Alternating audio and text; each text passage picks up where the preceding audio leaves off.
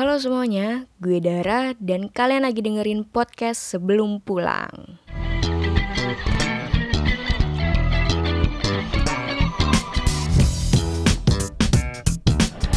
Halo semuanya, welcome to podcast sebelum pulang episode 7 Oh, udah muncul lagi suaranya. Ini gue lagi bareng tamu spesial gue. Welcome Tasya Halo. Grogi. Aduh, gue bacain profil lo dulu nih selalu Syasya Apa tuh? Gak ada profil dia. Apa ya? Klik. Kita kita cerita dulu. Kita ketemu tuh di mana gitu loh Syah di tengah jalan kah? Wow. Di tengah jalan yang gelap ya. Gelap waktu itu belum terang-terang banget. Dikelilingi orang-orang pintar. Duduk berduaan sebelahan. Dar. Ini gimana ya? Iya, ini tuh apa sih clueless banget. Apa Padahal padahal itu di ajang mahasiswa berprestasi loh, guys. Eh, seberprestasi itu ya? Seber seberprestasi itu. Aneh banget emang. Jadi kita ketemu waktu itu di ajang Mapres. Tingkat fakultas ya jatuhnya kita ya. Tingkat fakultas, cuman sedihnya di antara kita berdua nggak ada yang menang ya guys. Jadi nggak spesial itu sebenarnya kalau dibacain. Terus ketemu lagi, entah kenapa sih gue selalu ditakdirin ketemu Tasya tuh di masa-masa gemilang gue waktu di kampus. Nggak lagi di puncak-puncaknya. Ketemu lagi saat jadi lulusan terbaik. Iya Dara. Cie Tasya, selamat ya Tasya ya. Tapi eh, di berarti lo abis mapres abang lo nih Ya bang. Uh, Mapres tuh sekitar bulan Februari. Maret ya sih Februari Maret gitu. Maret, terus akhirnya gue ikut gue mengadu nasib gue lagi di Abnon buku. Sebanyak apa emang yang dibaca bukunya dalam hidupnya? jurnal aja banget nih selesainya gak deh Abnon buku. Gue upload buku Eh kalau Abnon buku tuh ada wilayahnya gitu kan? Jakarta apa gitu? Jakarta Barat Jakarta Barat. jadi bersahabat banget gitu Sahabat ba- friendly gitu ya? Friendly ya. Eco friendly.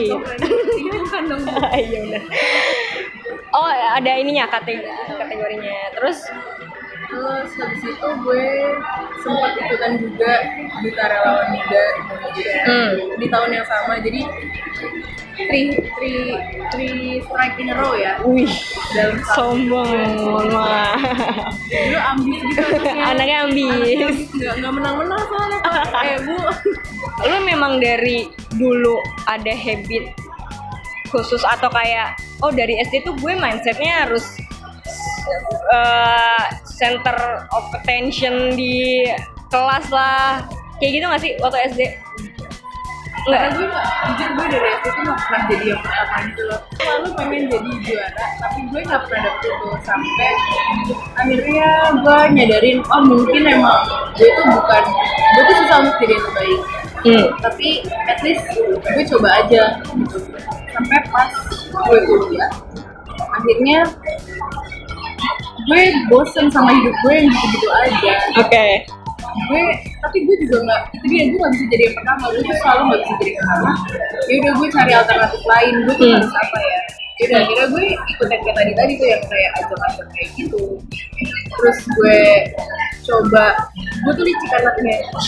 Gue nggak deketin anak yang menurut gue keren. Oke. maksudnya pintar gitu Oke, ya atau dia bisa manage waktu atau apa. Ya.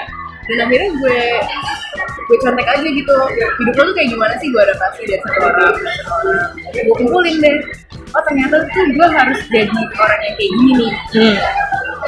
dan gue juga nemuin itu dari organisasi. Hmm. karena gue dulu nggak mau eksis mencari eksistensi gue di dalam kampus akhirnya gue nyari organisasi di luar Kenapa tuh? gue sorry to say gue tuh dulu benci banget dari WNJ beneran Oke. itu gue eh sebut kan tuh Iya kesebut tuh. Terus terus. gue nggak mau gue tuh nggak mau situ tapi satu semester berjalan ternyata gue mampu untuk Hmm. jadi anak anak itu anak di situ akhirnya gue jenuh aja gitu sama diri gue yang menolak kenapa sih gue harus eh, masuk sini? Tapi kenapa juga gue harus nolak Harvard padahal IP gue bagus misalnya. Ya udah akhirnya gue nyari kegiatan di luar yang bikin gue nyaman. Nah waktu itu gue join Yayasan It's Indonesia. Hmm. gue nge-build diri gue di situ. Gue jadi fasilitator. Gue explore diri gue gue ngobrol sama orang. I became the person yang gue nggak pernah. Hmm. dulu tuh gue orangnya tertutup banget. Gue nggak bisa ngomong depan orang. Dan akhirnya waktu gue di situ gue bisa gue bisa ngomong kayak kayak gini kayak sama lo gue jadi kayak ya kalau kata lo di awal banget kita ketemu di Mapres terus gue kayak so deket ya itu orang yang jadi. Karena gue belajar dari yayasan itu. Oke, oke menarik. Tapi selama perjalanan pendidikan lo nih kayak dari SD, SMP, SMA, kuliah, karena tuh honest gue sangat signifikan gitu loh. Tapi nggak naik gitu loh Syah. Jadi kayak perjalanan pendidikan gue adalah perjalanan nemuin diri gue sendiri. Tuh honest kayak SD, gue masih sangat diarahin. Kita berdua pasti diarahin banget sama orang tua kayak ya menurut orang tua anak yang pintar tuh kayak gini ya kita ikutin gitu SMP gue agak rebel dikit gitu kayak gue mau ah gitu. Gue nggak mau gue maunya nyari eh, orang-orang keren. Kayak gitu-gitu deh. Waktu SMP tuh gue sangat sangat di jadi sebenarnya meskipun kehitungnya bagus gitu pendidikannya waktu SMP jadi gue masuk kelasnya juga kelas yang dilabeli unggulan. Cuma coba tebak gue ranking berapa waktu SMP coba tebak aja tebak. Top of mind aja. 20-an Syah rebel itu. Jeleknya darah 10 nih. Mohon maaf jadi 20 20-an jadi kayak bener-bener wah gila gue dapet apa ya ibaratnya ya? Dapat pelajaran banget justru dari SMP di mana gue keluar dari uh, aturan orang segala macem which is orang tua gue sendiri gitu. SMA mulai ngerapihin lagi lah kenapa sih gue sebandel ini segala macem. Baru kuliah ngerapi-rapihin lagi kayak gue udah tahu apa yang gue mau dan gue tahu ini baik buat gue gitu. Nah kalau lo sendiri ada nggak sih such thing kayak gitu? Atau ya mungkin punya versi sendiri buat lo sendiri? Kalau gue malah kebalik. Kalau Mhm. gitu di SMP tuh gue lagi gemilang-gemilangnya itu. Hmm, oke. di situ gue pinter lah istilahnya membanggakan orang tua Hmm. pas SMA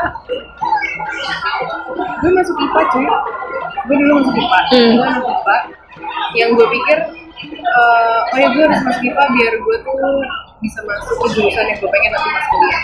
Oke. Tapi ternyata gue tuh gak mampu deh lo tau gak sih yang gue dapet berapa? berapa sih? Tiga. Oke. Yang ngomong Mapres sosiologi iya. MTK dulu SMA dapet tiga ya guys. Terus gue ah gue gue harus kayak gimana? Dulu gue rebel yang kayak lo bilang tadi Hmm. gue tuh nggak gue tuh pengennya dianggap keren. Hmm. akhirnya gue temenan sama gue dulu sama kayak gue temenan sama orang-orang yang pengen juga tapi dulu gue juga anak osis jadi gue juga Hmm.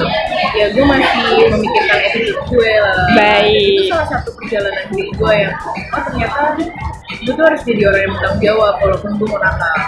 Yap. Nakal maksudnya kayak ya gue mager belajar. Hmm, hmm, akhirnya kepentok juga di kelas 3 waktu gue kelas 3 gue udah tau kan udah kebukti MTK gue 3 jurusan IPA nih MTK 3 oh gue gak mungkin dong masuk jurusan eh, mengambil jurusan Hmm. IPA Science Science Tech akhirnya dari kelas 12 tuh gue udah belajar sosial dari semester 1 Oke. di situ gue bener-bener ngerasain perjalanan hidup gue eh perubahan dalam hidup gue Hmm. kayak oh gue tuh harus berjuang biar gue tuh bisa kuliah biar gue tuh gak ngerepotin nyokap gue karena nyokap gue juga single parents kan jadi gue juga harus gue tuh harus berusaha sendiri biar gue bisa bertahan hidup nantinya akhirnya gue banting setir gue masuk sosum dengan keinginan gue pengen masuk psikologi Oh, oke. Eh, tadinya gue mau masuk psikologi oke. Terus jadi sosiologi. Jadi sosiologi. Gara-gara gak masuk juga. Kan gue bilang gue gak pernah jadi yang pertama. Gue gak pernah bisa jadi yang pertama. Akhirnya gue dapetnya sosiologi. Tapi ya gak apa-apa lah. Itu adalah perjalanan yang diberikan Tuhan.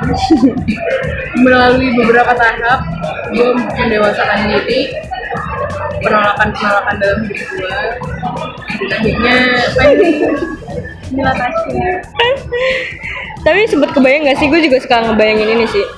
Eh, kayak what if yang lu lu jalanin itu adalah yang lu mau dari awal. Let's say kayak lu mau masuk psikologi, terus ternyata lu mau ma- lu bener-bener masuk. Bukan beda gak sih? Eh, fun facts lagi sih. Waktu gue lulus dari UNJ gue malah bersyukur banget gue kuliah di UNJ karena kalau dari tadi ini sebelum ini gue udah ngobrol sama Dara. Gue udah ngomong eh, gue tuh gak mau jadi ikan besar di kolam eh gue gak mau jadi ikan kecil di kolam besar. Gue maunya jadi ikan besar di kolam kecil.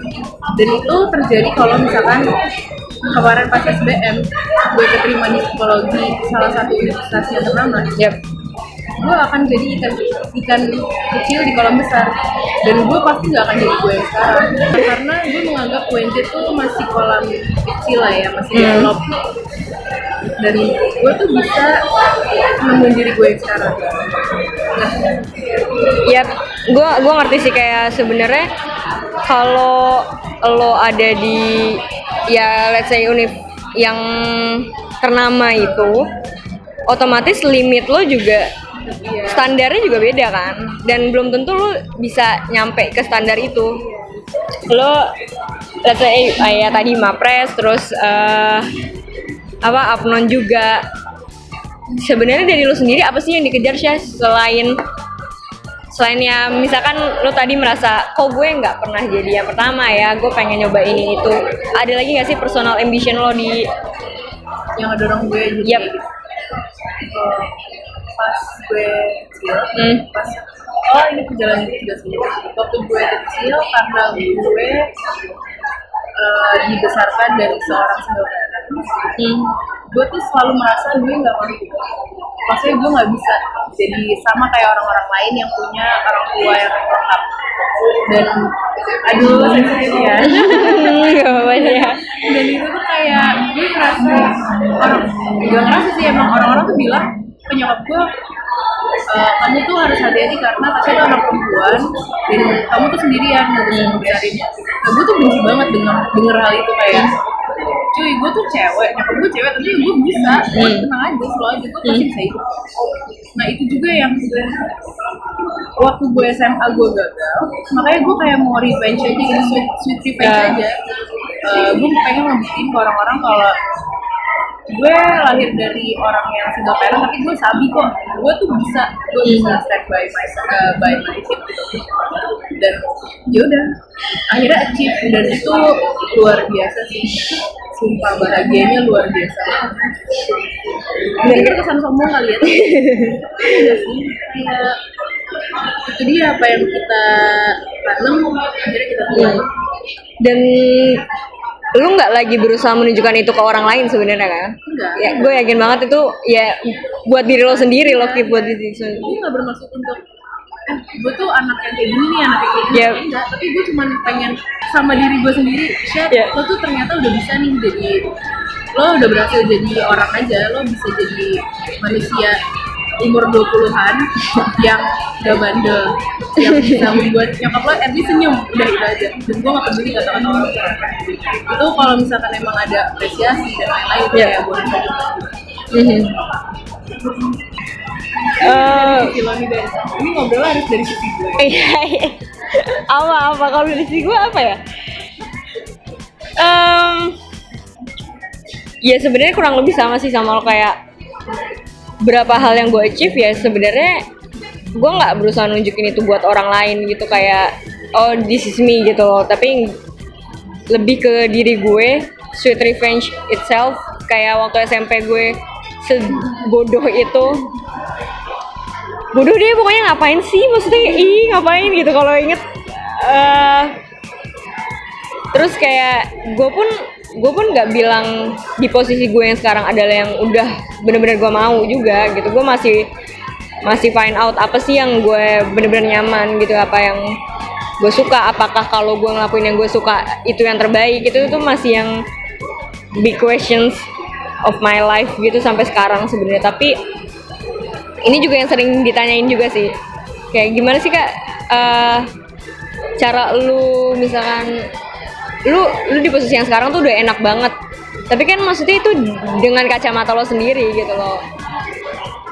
Berapa orang tuh masih nanyain itu tapi sebenarnya bukan dengan cara itu gitu loh. Cara gue nggak mungkin bisa lo pakai let's say kayak gue nggak bisa nih pakai cara lo dan gue nggak belum tentu gue seneng lo gitu saat gue pakai cara lo intinya berapa orang masih belum pede dan masih belum bisa nerima dirinya sendiri gitu loh Syah kayaknya itu deh yang paling penting ya kita harus ya udah eh, syukuri aja kekurangan kita terus ya udah kayaknya kita tetap harus bahagia dengan kekurangan kita itu makanya ya udah manfaatin aja kekurangan kita. Mm, mm, mm. karena orang cuma ngeliat kayak gue deh ngeliat lo gitu kayak anjir Tasya udah udah kayak gini gini gini gini. Seneng terus padahal yang kayak tadi lo ceritain gue tuh eh, background keluarga gue kayak gini gini. Ini motivasi gue sebenarnya. Itu yang nggak dilihat orang yang proses sakitnya yang nggak mau dilihat orang. Dan nggak perlu dilihat orang kan? Iya sebenarnya iya. Tapi di sisi lain banyak orang yang ngira hidup lu seneng-seneng terus. Jadi saat mereka lagi down kayak gitu itu kayak terkesan proses yang salah gitu loh Syah kalau gue lihat. Padahal semua orang punya flow-nya sendiri gitu. Dan padahal itu yang ngebentuk dia. Iya. Gitu. Masih ada yang belum sih dari apa yang yang lagi lo pengen tuju di satu sampai tiga tahun uh, ya terdekat lah gue kayak lagi di interview HR loh nggak Iya, tapi mau sumpah gue. Sekarang kan topiknya lagi pas. Apa sih yang lagi lo pengen? sebenarnya banyak sebanyak itu kayak gue masih merasa meskipun gue bahkan punya kartu nama gue sendiri gue PR segala macem. Gue masih merasa sampai hari ini gue belum PR gitu loh. Kayak banyak eh, definisi PR yang belum nggak tahu kayaknya gue belum belum kayak gitu deh gitu. Kayaknya gue masih cuman gini-gini aja kerjaan gue. Dan apa ya? Banyak sebenarnya yang pengen gue capai. Cuman kalau sampai 1 sampai tiga tahun ke depan intinya sebenarnya personal ambition gue itu lebih ke education 1 sampai tiga tahun ke depan ya. Gue gue pengen ngejar sarjana dulu. Amin. Terima kasih ya. Eh, lu merasa diri lo sudah sangat berkembang gak sih? Sia? kayak let's say gue udah growing up banget nih. Dari terakhir yang gue bisa ingat. Tapi tetap masih childish gue. Wah marah. Tapi at least gue udah gue udah nggak selemah itu lah, udah nggak sepecundang dulu. Kalau gue throwback tuh gue nginget-nginget masa-masa dulu gue kuliah, aduh kenapa sih gue harus jadi orang yang kayak kayak gitu? Kenapa gue nggak break the limits aja? Kenapa Hmm. gue nggak? Nah itu gue sekarang udah berani buat keluar dari marka-marka atau nilai-nilai yang gue batasin dulu? Hmm. susah ya buat diterapin oke. Eh, gue nggak mau jadi orang yang terlalu pemalu ya akhirnya gue udah melakukan itu. Gitu kayak Hmm. gue udah berubah lebih dewasa dalam versi gue Hmm, oke. Menarik dan terus kemarin gue ketemu kayak ya lu berubah banget ya Sya maksudnya pandangan dia adalah lo tuh udah berubah dari yang dulu yang lo nggak pede dan sekarang lo bisa I see. diri lo sendiri gitu hmm, hmm. ya itu keucap sih dari dari cara dia ngomong Menarik. gue dan gue menghargai itu ya gue mengapresiasi diri gue sendiri aja kayak oh ternyata gue udah bisa nih jadi Tasya yang lebih pede anaknya yang buat eh lu akhirnya pede sebenarnya itu proses yang susah. Gue gue tahu banget. Kayak maksudnya dari insecure super insecure jadi oh gue nggak apa-apa dengan kayak gini gue nggak apa-apa dengan penilaian lo itu gimana prosesnya sih? Gue capek gue capek jadi orang yang dengerin kata-kata orang. Jadi gue nggak mau. Jadi waktu gue lulus gue ngerasa kayaknya gue nggak perlu lagi deh. Harus terlalu memikirkan kata-kata orang hmm. harus tetap Hmm. eh, takut sama omongan orang tapi Hmm. Ya kenapa kalau misalkan itu diri lo kenapa lo nggak lo tunjukin aja ya akhirnya gue potong rambut. Dulu rambutku panjang banget kan? Seberantakan itu akhirnya gue potong rambut. Itu udah satu langkah besar. Bener gue ya terus ngecat rambut. Itu dua langkah besar. Kayak ya hal yang kayak gitu yang menurut gue itu merupakan perubahan gue menjadi dewasa yang mungkin orang lain nggak sadar. Itu buat gue ada nggak orang yang mungkin lo nggak nyangka tapi ternyata dia orang yang nggak nerima dengan perubahan lo Hmm, enggak sih. so far nggak? Syukurnya temen-temen gue tuh orang yang supportive. Hmm. Eh, kayak wow beda banget sih paling gitu doang sih kayak wow oh lu berani sih siapa ngecat rambut kayak gitu ya nggak apa-apa kan bagus ya paling gitu paling tanggapan negatif mereka kayak gitu tanggapan negatif Iya, banget kayak mereka kenapa sih lo harus ngecat kayak gitu aja kayak cewek nggak bener. Ya maksudnya ini highlight ya guys, cuma Hmm. di highlight doang rambutnya tapi Hmm. terkesan jadi cewek yang beda banget karena itu bukan Tasya. Hmm. Ya tapi responnya ya apa positif positif aja sih karena mereka menerima keputusan gue. Ya gue kan pengen berubah, pengen beda aja sekali. Hmm. Dan menurut mereka itu bagus. Karena Tasya nggak pernah kayak gitu. gladly nggak ada yang maksudnya bikin lo mikir ulang if this is right or Hmm, mungkin lebih ke gue nggak peduli. Kayaknya ada mungkin ada tapi Hmm. gue nggak membuka mata gue untuk hal itu. Ini real banget sih ini real story banget.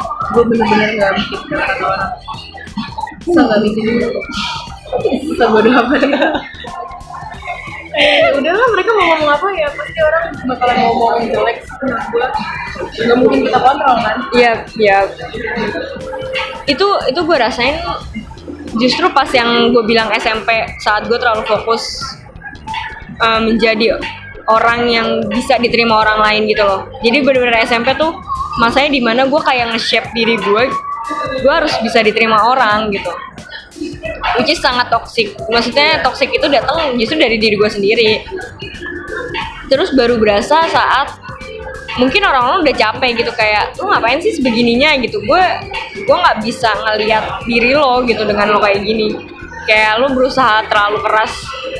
Gue ngerasa kayak gitu. Karena sahabat-sahabat gue sendiri adalah beberapa kejadian pas SMP yang bikin gue sadar oh anjir ini bukan bukan yang bener kayak gini gitu. That's why setakut itu pas SMA eh, melihat orang-orang yang pergi karena keputusan gue sendiri kayak gitu. Cuman pas kuliah since gue berada di lingkungan yang gue juga nggak bisa nerima gitu jadi kayak udah mulai bodo amat.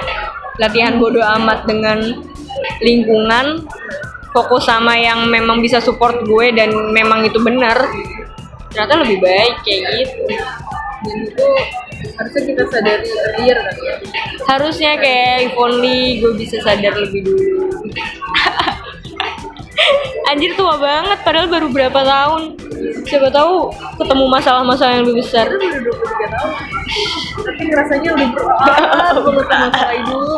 Paling tapi kata orang gini sih ya kalau lu makin tua justru masalahnya tuh makin makin udah bodo amat gitu. Kayak masalah tetap ada tapi kayak ma- makin dikit. Mungkin karena makin bodo amat kali ya.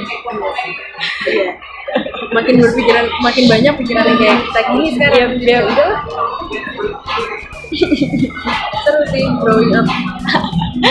But it sucks. Tapi lu lu gimana sih maksudnya menyikapi growing up ini ya? Lu punya ketakutan sendiri gak sih ke depannya akan gimana gimana apa yang lo takutin gue tuh nggak siap aja gitu ya sebenarnya ketakutan terbesar gue sekarang adalah apakah iya gue harus menikah nantinya apakah iya gue harus menjalani kehidupan seperti orang-orang dewasa lainnya sumpah gue takut kayak bisa nggak sih umurnya buat tiga sampai dua lima aja ya kayaknya masalah yang iya nggak iya atau tidak gitu ya? Gue tuh mendengar masalah orang dewasa kayak eh itu gampang banget sih sebenarnya tapi kenapa sih lo harus ribet Eh, Hmm. salah satu contoh misalkan hmm. kenapa lo harus cerai terus misalkan ini sekedar ngomong aja ya Hmm. kayak misalkan ada istri bilangnya tapi dia cuek Eh, terus lakinya bilang ya tapi dia eh, nggak pernah masakin aku ya terus kenapa lu dulu nikah sih Hmm, oke. Gitu, itu maksudnya permasalahan itu tuh bisa di waktu kita muda itu tuh bisa selesai tapi Iya. kenapa waktu kita tua tuh hal kayak gitu malah jadi harus jadi pertikaian gitu Mhm. kayaknya gue nggak siap akan hal-hal itu akan masalah-masalah hidup yang sebenarnya nggak ribet tapi ternyata dibikin ribet Hmm. Dan tanpa sadar lu bisa aja ngelakuin itu gak sih? iya pasti pasti gue salah satu karakter utama Iya. aduh serem gue dong yang nanya Iya, apa? apa ya tapi gue nggak tahu ini bisa dikat nggak sih Iya, iya bisa. seputar itu deh dan kerjaan ada kerjaan lagi Ya nggak apa-apa. Apa kenapa kerjaan? Ya udah puas belum sih dan nanti udah puas belum sih lo jadi lo yang sekarang di posisi ini di kali ini Hmm. emang lo pengen ya masuk sini Saking pengennya, gue sempet ditolak dua kali kok sebelumnya sekarang. Jadi gue sebenarnya aslinya udah tiga kali apply. Baru ketiga kalinya diterima. same position Uh, no. Sebelumnya ya memang yang jadi passion gue lah. PR is not my passion at all sebenarnya. Baru langsung didengar manajer gue langsung di ini nih pertimbangin ulang. eh gimana ya? Ada iya, ada enggaknya. Tapi mungkin memang itu yang bikin kerja itu kerja gitu loh kayak nggak semua yang lo kerjain adalah yang lo pengenin juga sesuka sukanya lo sama yang lo kerjain pasti adalah enak-enaknya gitu kan tapi ini nggak sih? Kayak kerjaan kerjaan pertama lo gue hmm. adalah salah satu kayak tahap dulu kita di SMP dan di SMA kayak Hmm. kita merampungkan me, apa menyusun lagi stick-stick yang masih kosong. Ya yang oh ternyata tuh gue orangnya kayak gini ya. Oh ternyata gue tuh ada nggak sih hal-hal yang baru lo tahu pas lo kerja? Ternyata gue orangnya kayak gini ya. Apa lo emang udah karena lo udah nata itu Hmm. sebenarnya jadi sekarang lo tinggal jalanin aja. Bukan bukan bukan mencari puing-puing yang masih kosong lo jadi diri interesting sih belum ada yang nanya ini tapi kayak gue iya jadi kepikiran lagi ya juga. Ada tahapan kayak SD SMP SMA sampai lu ar- akhirnya bisa decide lo mau masuk jurusan apa gitu kan even saat lo lulus sebenarnya lu juga masih menerka-nerka pekerjaan apa yang lo pengen jalanin gitu. Tapi eh kalau pernyataan kayak gue masih nyusun puzzle itu iya. Cuman mungkin karena belajar dari yang dulu-dulu lebih ke sekarang gue bisa antisipasi apa yang gue nggak suka gitu. Bukan berarti gue pengen yang suka terus tapi seenggaknya gue udah bisa antisipasi kalau gue nggak suka gue harus gimana gitu. Gue nggak tahu sih dengan lo tapi gue sangat menghindari alasan faktor yang dari internal gue. Let's say gue nggak nyaman gitu. Alasan gak nyaman tuh kayak lu bisa perbaikin kok kayak lu find out aja apa yang bikin lo nyaman lagi gitu until lo punya alasan eksternal gitu loh. Kayak internal tuh lu bisa handle lu bisa banget handle itulah. Berarti lo punya self management yang baik. Yang beda dengan halnya dengan gua ini kan cara menangani yang berbeda. Oke. Kalau gue self management gue nggak baik. Jadi apa yang mengganggu gue di internal akan mengganggu proses kerja gue. Makanya gue akan selalu mencari eh, tempat yang nyaman. Sampai gue bisa menunjukkan eksistensi gue lah kayak gue bisa bisa menjadi diri gue di pekerjaan gue oke kalau lo kan berarti kan tadi yang gue tangkap ya itu about self aja adaptasi Hmm. ya, ya comfortnya di mana Hmm. lo masukin di situ terus Hmm. kalau gue yaudah di situ ada comfort gue comfort nah baru tuh jadi gue bisa oke I see dan sebenarnya sebenarnya itu jelek sih gue final itu jelek karena Hmm. lo bisa jadi orang yang enggak nggak betah dalam suatu perusahaan. Bisa jadi kayak kelinci lompat-lompat sana lompat sini gitu. Oke. Dan ini kayak sharing aja tuh. Pokoknya guys, jangan kayak gitu jadinya darah jangan. yang baik staff manajemen yang baik. Tapi gue akuin sekarang ya gue udah gak mau lah jadi orang yang kayak gitu yang yang, yang baperan yang Hmm. gue tuh harus jadi kuat aja gitu menjalani hidup ini. Dan selain self management sebenarnya sebelum self management ya self discover dulu nggak sih Syah? iya iya. Karena nggak banyak orang yang pengen text time untuk tahu dirinya sendiri. Pengennya ya udah template lo tuh let's say lu tuh saat kerjain ini lo harus kayak gini gini gini ya udah. Orang tuh berusaha maksain dirinya tuh buat padahal nggak bisa. Betul.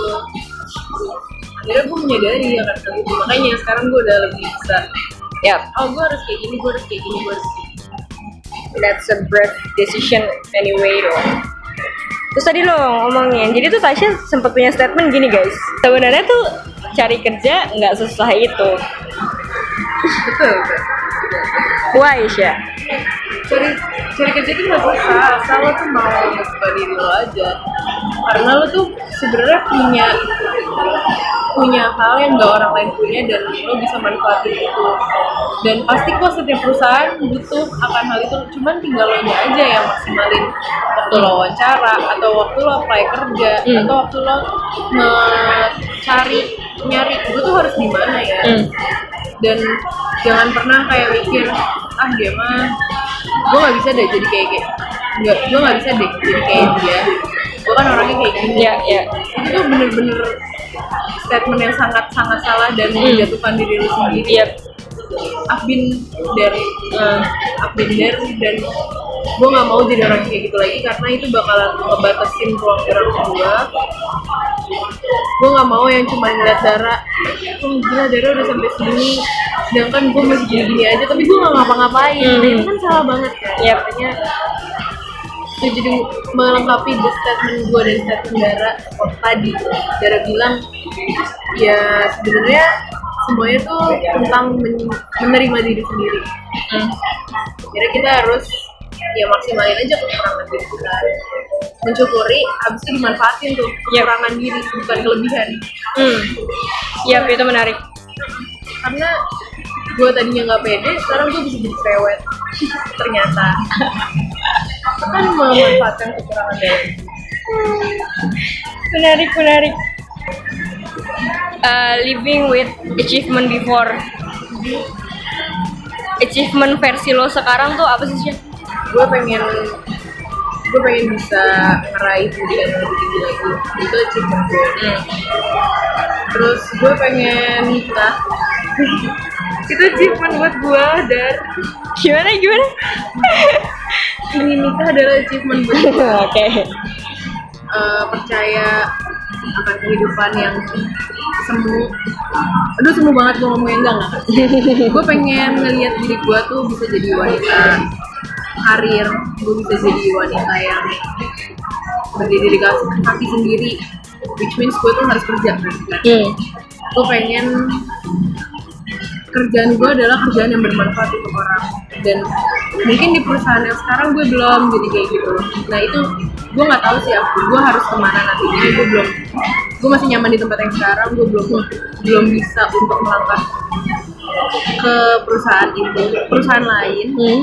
tapi gue pengen banget kerja di tempat yang bisa bermanfaat secara langsung buat orang Itu masuk achievement, maksudnya banyak orang yang nggak bisa menggambarkan achievement diri sendiri.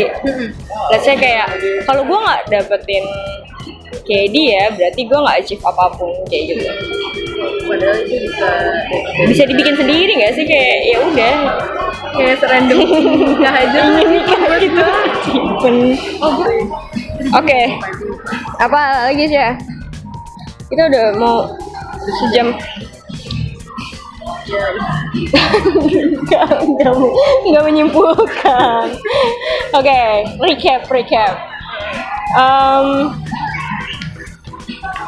jadi, yang pertama, tadi kan kita ngebahas tentang achievement, terus bener nggak sih kayak apa yang kita dapetin sekarang adalah hasil dari, maksudnya sebelum-sebelumnya kayak sebelum-sebelumnya kita tuh kayak gini personalnya tapi ke depannya udah pasti kayak gini enggak juga gitu kan kayak gue SMP ranking 20 gue MTK tiga terus ya indi eh, maksudnya di akhirnya as long as lo tahu lo mau ngelakuin apa ya udah gitu. Lo bisa maksudnya lo bisa ngubah pet iya. lo sendiri gitu. terus kedua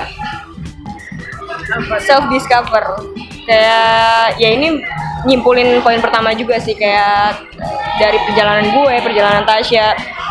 Kita selalu punya maksudnya titik-titik di mana oh ternyata gue orangnya kayak gini dan gue harusnya kayak gini. Dan itu datangnya justru bukan dari orang lain. Dari diri sendiri. Ya. Dan itu harus harus kita temuin jangan sampai didinai mm-mm. iya. Problem orang tuh sekarang kayak ih gue mikirnya gini udahlah gitu. Kayak dicuekin until ada orang yang ngomong kayak gitu baru percaya gitu. Itu itu justru yang salah gitu.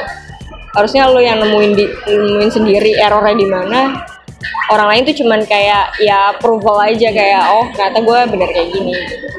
Setuju self discover terus di akhir.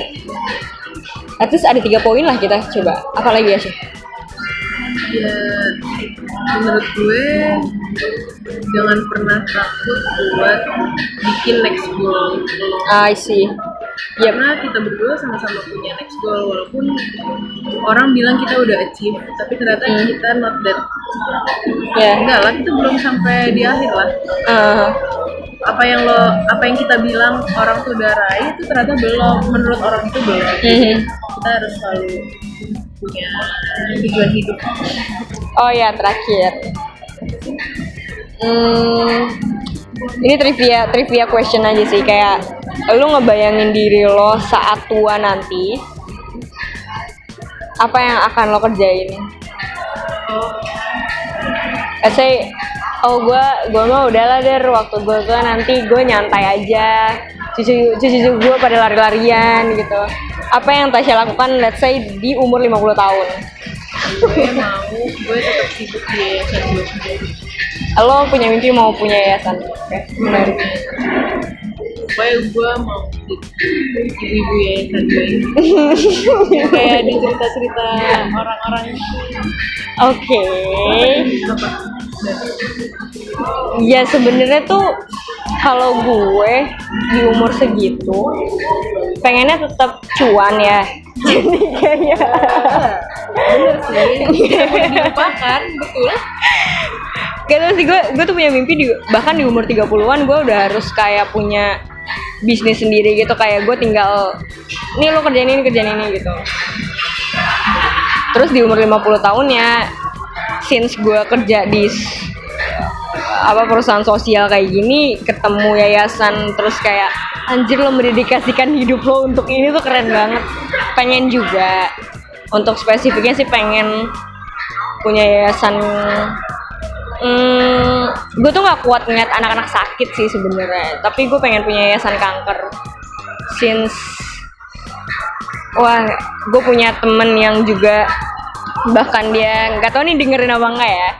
Dia stadium 4 terus se sesemangat itu, sepositif itu gue nggak ngerti lagi kayak, woi orang sakit batuk aja tuh update gitu loh. Lu tuh punya penyakit yang orang tuh udah mindsetnya ke mana-mana cuman lu tetap percaya ada hari esok gitu itu menarik banget. Maksudnya gue pengen ngasih kepercayaan itu buat orang lain. Let's say yayasan gue bisa ngasih harapan itu buat orang lain. Uh nanti yayasan gue gabung kali sama Tasya ya? Amin. Eh menarik sih. Disupport sama perusahaan yang sekarang. Aduh nih iklan sisipan lagi nih kita tandemin aja ya. Ini menarik sih Syah. Oke terima kasih Dara terima kasih ya, udah. ya udah dadah see ya Dadah.